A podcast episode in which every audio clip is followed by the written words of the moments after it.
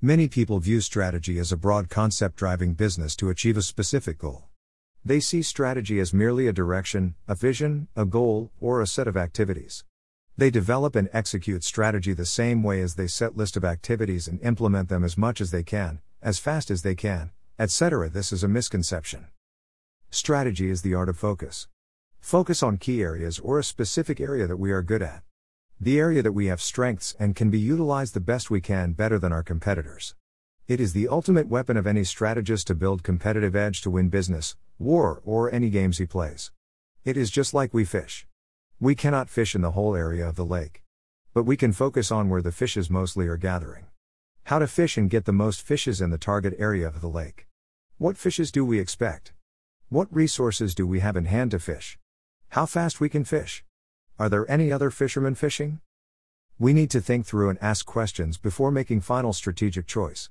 It is the choice we make and we focus on executing it without wavering.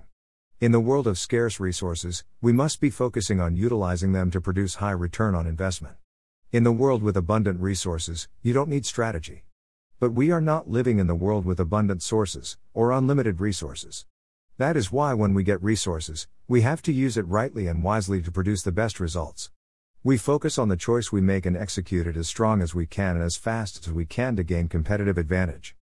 Strategic thinkers use available resources, tools, and creativity to come up with choices and focus.